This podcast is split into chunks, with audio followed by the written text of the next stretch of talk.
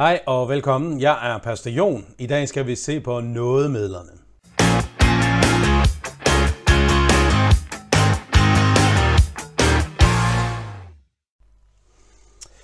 Nådemidlerne, det er det, som øh, lutheranerne kalder de redskaber, de kanaler, de instrumenter, som Gud bruger til at række os det evangeliske budskab, tilgivelsen, øh, nåden i, for, i, i den forstand, at, at, at den gives os til frelse, at vi får del i Guds rige.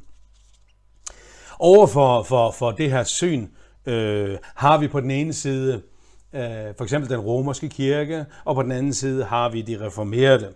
Øh, og selvfølgelig er der andre positioner også. Jeg vil bare ganske kort og meget overfladisk og generelt sige en lille smule om det katolske syn og om det reformerede. Og det kan godt være, at de ikke føler sig helt repræsenteret, fordi det bliver meget øh, overfladisk. Altså, det, det, det, jeg går ikke ned, gevaldigt meget ned i dybden. Her står sådan her fra kristendom.dk.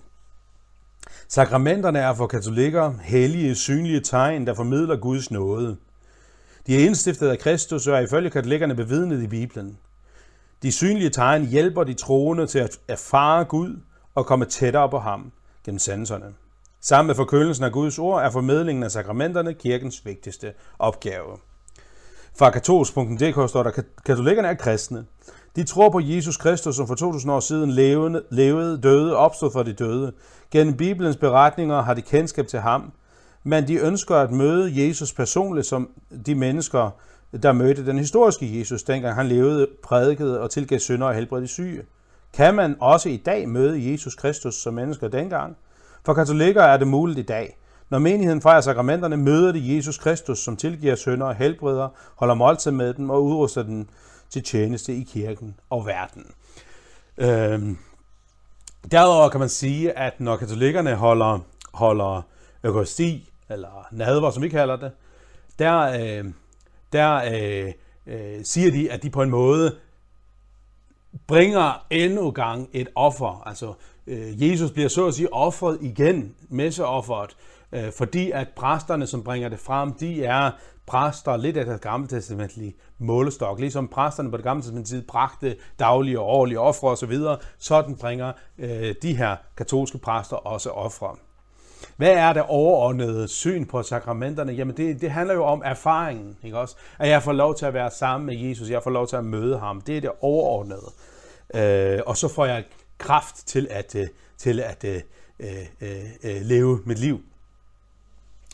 Øh, og så videre. Øh, det er ikke helt sådan, Luther, Lutheraner vil fokusere på. Der er nogle af de her ting, som vi også vil tage med. Vi vil aldrig sige, at Jesus bliver offret igen, når vi har at gøre med et offer på den måde. Det offer, som vi spiser øh, i nadveren, det er det offer, som én gang for alle bliver offret, nemlig på Golgata. Det får vi del i, når vi kommer til alders. Øh, så er det reformerede syn. Guds nåde gives til dem, han har bestemt sig for øh, til frelse og overvinder deres modstand mod at frelses. Ikke også? Det er sådan meget overordnet set det kalvinske reformerede syn, at, øh, at øh, øh, øh, Øh, vi kan godt tale, de kan godt tale om noget med, men i virkeligheden så, så har de i sig selv ikke nogen effekt, for det er det Gud, der udvælger forbestemmer til frelse. Fokus er på, på forbestemmelsen. Igen her afviger lutheranerne ved netop at fokusere på sakramenterne og forkyndelsen. Øhm, Luther han siger sådan her. Det handler nemlig her om virkningen af de ydre talte ord. Vi fastholder da, at Gud ikke giver nogen sin ånd eller noget, undtagen gennem eller med det forudgående ydre ord. Dermed kan vi holde stand over for sværmerne, der praler med, at de har fået ånden uden ordet og for, og, og for uden øh, ordet. Derefter sætter de sig til dom over skriften og det ydre ord, og tolker det, øh, øh, øh, og tolker det og videre det, øh, øh, som de vil. Vrider det, som de vil, undskyld. Øh, og så kan han fortsætte. Vi har også, også noget lignende ord, øh, som Melanchthon skriver i den afsporsbekendelse kapit- øh, artikel 5. Det kan I prøve at se på, hvis I har lyst. Og så siger de også, jeg tager bare et lille citat fra, fra, fra den afsporsbekendelse, øh, artikel 5. De fordømmer gendøberne og andre, der mener, at vi modtager helligånden uden det ydre ord gennem egne forberedelser og gerninger. Så altså, øh, øh det som også kendetegner øh, øh, den katolske lærer, det er, at når vi udsættes for sakramenter, når et barn bliver døbt for eksempel, så bliver det automatisk kristent. For de siger de, barnet kan ikke tro. Barnet kan ikke tro, og derfor så bliver det automatisk kristen ved dåben. Der er på en eller anden måde, og det er mine ord, det er ikke deres, noget magisk over sakramenterne. Øhm. Og sakramenternes primære funktion bliver det her med erfaringen af Guds nærvær.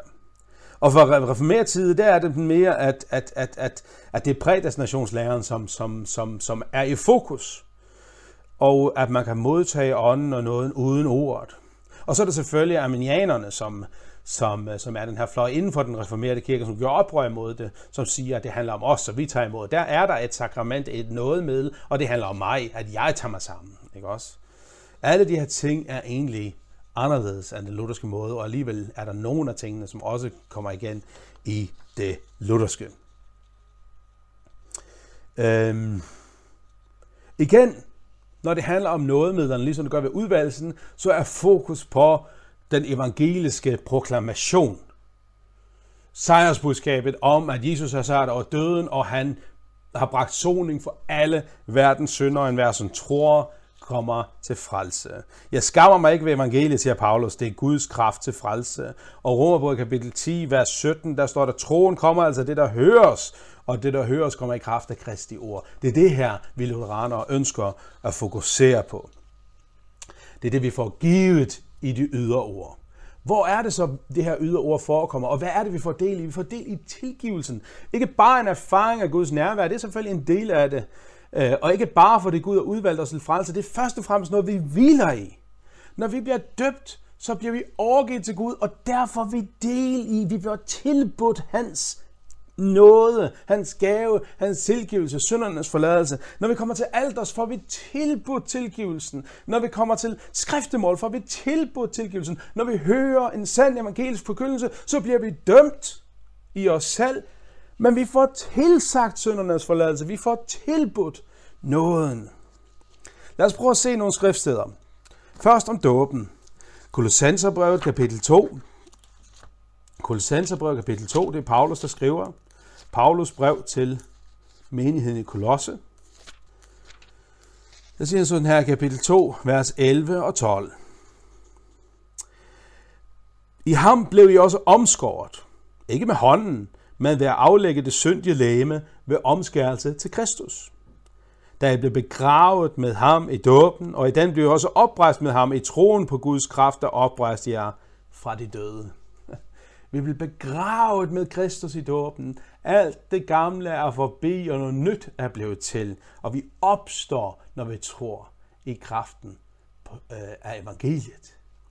Vi opstår. Titus brevet, Paulus brev til Titus, Øh, og det er kapitel 3. Paulus brev til Titus, kapitel 3. Skal jeg lige finde det.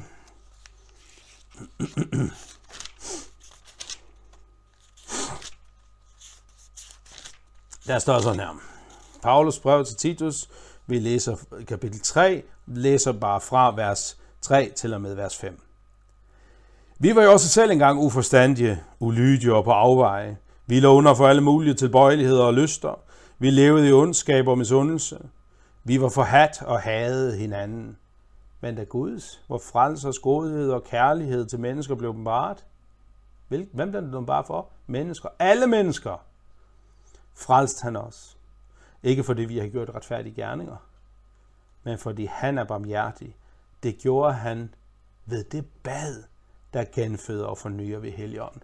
Her får du ragt søndernes forladelse, her får du ragt tilgivelsen, her får du ragt evangeliet.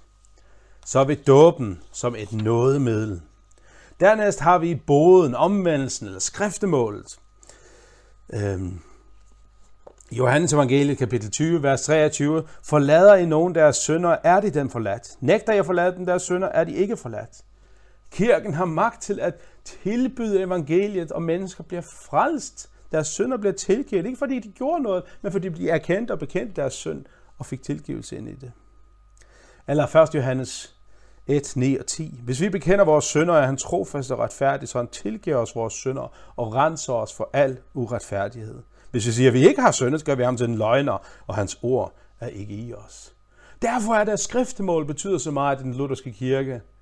Fordi her sætter vi ord på vores synder og modtager Guds absolution, tilgivelse, forladelse for alle vores synder. Og nadvåren, Matthæus evangeliet kapitel 26, vers 26 til 28, det er der fra, fra nadvårindstiftelsen. Matthæus evangeliet 26, vers 26 til 28. Mens de spiste, tog Jesus et brød, velsignede og brød, det gav sin disciple og sagde, tag det og spis det, dette er mit læme. Og han tog et bæger og takkede, gav dem det og sagde, drik alle heraf, dette er mit blod, pagtens blod, som udgydes for mange til syndernes forladelse. Ikke også? Det udgydes for mange, og når det siges på dem, det betyder for alle, til syndernes forladelse. Det er pagten. Og an videre læser vi fra første øh, første Korintherbrev, det er Paulus brev til menigheden i Korinth, første Korintherbrev kapitel 11, hvor han gengiver, hvor han gengiver øh, øh, de her indsættelsestidspunkter også. Øh, første Korintherbrev kapitel 11, vers 23 til og med vers 26. For jeg har modtaget fra Herren, og også overleveret til jer, at Herren Jesus i den nat, da han blev forrådt, tog et brød, takkede brødet det og sagde, dette er mit læme, som gives for jer. Gør dette til ihukommelse af mig. Lige så tog han bæret efter måltid og sagde, dette bærer er den nye pagt med mit blod. Gør dette hver gang I drikker det til ihukommelse af mig. For hver gang I spiser dette brød og drikker bæret, forkynder I Herrens død, indtil han kommer. I forkynder Kristus som korsfæstet. Hvorfor er det vigtigt? For der blev han offret for os, ikke på alderet. Nej, på Golgata. Og når vi kommer til alders, når vi spiser hans læme, og han drikker hans blod, får vi del i hans tilgivelse, og han rækker os i noget, og hvis vi tror, så bliver det vores, så har vi tilgivelsen. Nådens midler, hvad er det? Nådens midler er egentlig bare et. Det ydre ord. Forkyndelsen af evangeliet er det egentlige nådemiddel. Men det bliver altså ragt os på de her overordnede fire måder, kan man sige. Forkyndelsen, dåben, absolutionen og nadvånden. Forkyndelsen, hvad vil det sige? Det vil sige, hver gang evangeliet bliver forkyndt. Det kan være i sang, det kan være i vidnesbyrd, det kan være i en andagt, det kan være i en bog, det kan være i en prædiken. Hver gang det bliver forkyndt sandt og, og sundt og rigtigt, så får vi ragt søndernes forladelse. Dåben, der bliver genfødt og fornyet til at tilhøre ham og få ragt søndernes forladelse. Absolutionen, altså det, der sker efter, du har bekendt din sønder, for eksempel over for en præst, og præsten lægger hånden på dig og siger, så tilsiger jeg dig din sønders nåde i forladelse i faderens og søndens og helgens navn. Derfor er du ragt søndernes forladelse, og i nadvånd får vi lov til at spise det her til vores sønders forladelse. Det er nådens midler. Her er noget at holde fast i. Her er noget at bygge på. Her er noget, som er at glæde sig over, noget, der er grund til lovsang. Guds nåde, evangeliet. Det handler ikke først og fremmest om, at vi erfarer noget helt særligt. Det handler ikke først og fremmest om, at, at, at, at øh, Gud har udvalgt os. Nej, det handler først og fremmest alt det, han har gjort for os. Og hvis vi tror på det, så er det vores. Der var en bog, som var meget populær for nogle år siden, da konen og jeg blev gift. Øh, jeg tror faktisk, den stadigvæk er ret populær. Kærlighedens fem sprog. Den siger, at at mennesker generelt har sådan fem kærlighedssprog. Der er nogen, som, som øh, mest finder ud af, at andre elsker en, hvis man oplever fysisk berøring fra de andre. Fra de andre. Kærlig berøring fra andre. Altså, det vil sige, at man får en kram, og så mærker man, at oh, der er nogen, der elsker mig. Andre er det anerkendende ord. For andre er det, at man får givet gaver. For andre igen er det, at man gør tjenester for dem. Og til sidst er det dem, der, der er særlig øh, fundet ud af det. Hvis man bruger tid sammen med dem, så føler de sig værdsat og elsket. Man kan sige, at nådemidlerne er Guds særlige kærlighedssprog til os, hvor han på i hvert fald de her fire forskellige måder rækker os sine gaver, og vi kan tage imod og blive berørt af ham, og han bruger tid sammen med os, og her får vi syndernes forladelse og kan leve på det igen og igen og igen. Her kan vi vide, at vi er frelst. Her kan vi vide, at vi er nået. Her kan vi vide, at vi er fred. Tak for nu og Gud velsigne dig.